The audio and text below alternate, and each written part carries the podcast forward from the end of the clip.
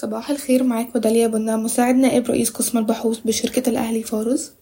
نبدأ بأخبار الاقتصاد الكلي. مصر والسعودية تدرسان إمكانية إجراء تجارة مقاومة بالعملة المحلية خلال الفترة المقبلة.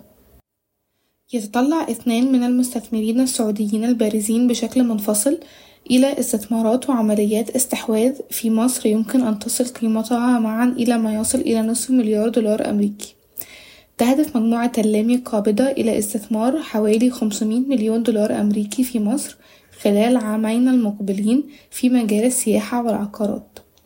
ومجموعة البترجي القابضة تدرس الاستحواذ المحتمل على شركة أدوية مدرجة بالبورصة المصرية. حصل مشروع قانون تسوية المباني الجديدة الذي قدمته الحكومة على موافقة مجلس النواب. وافق مجلس النواب على قرض مدته 30 سنة بقيمة 100 مليار ين ياباني من الوكالة اليابانية للتعاون الدولي لتمويل المرحلة الأولية من خط مترو القاهرة الرابع.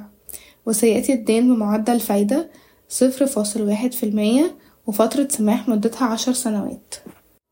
يعتزم البنك المركزي المصري منح ترخيص لشركات التكنولوجيا المالية لتمكينها من ربط بطاقاتها الصادرة للعملاء بإنستا باي خلال العام المقبل. القاهرة للاستثمار والتنمية العقارية سيرة انخفض صافي الربح المنسوب للسنة المالية عشرين اتنين وعشرين عشرين تلاتة وعشرين بشكل ملحوظ بنسبة ستة وستين فاصل أربعة في المية على أساس سنوي ليصل إلى مية خمسة وعشرين مليون جنيه مصري. قمنا بتخفيض القيمة العادلة للسهم من واحد وعشرين جنيه وخمسين قرش سابقا إلى تمنتاشر جنيه وأربعة وعشرين قرش مع الحفاظ على توصياتنا بزيادة الأوزان. حيث أن القيمة العادلة الجديدة تشير إلى وجود فجوة في التقييم بنسبة تلاتة وأربعين في المية.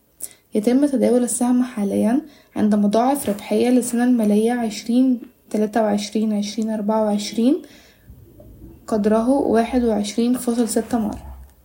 وتستهدف الشركة الانتهاء من عملية توريق جديدة قبل نهاية العام سيتم استخدام العائدات لتخفيض ديون الشركة.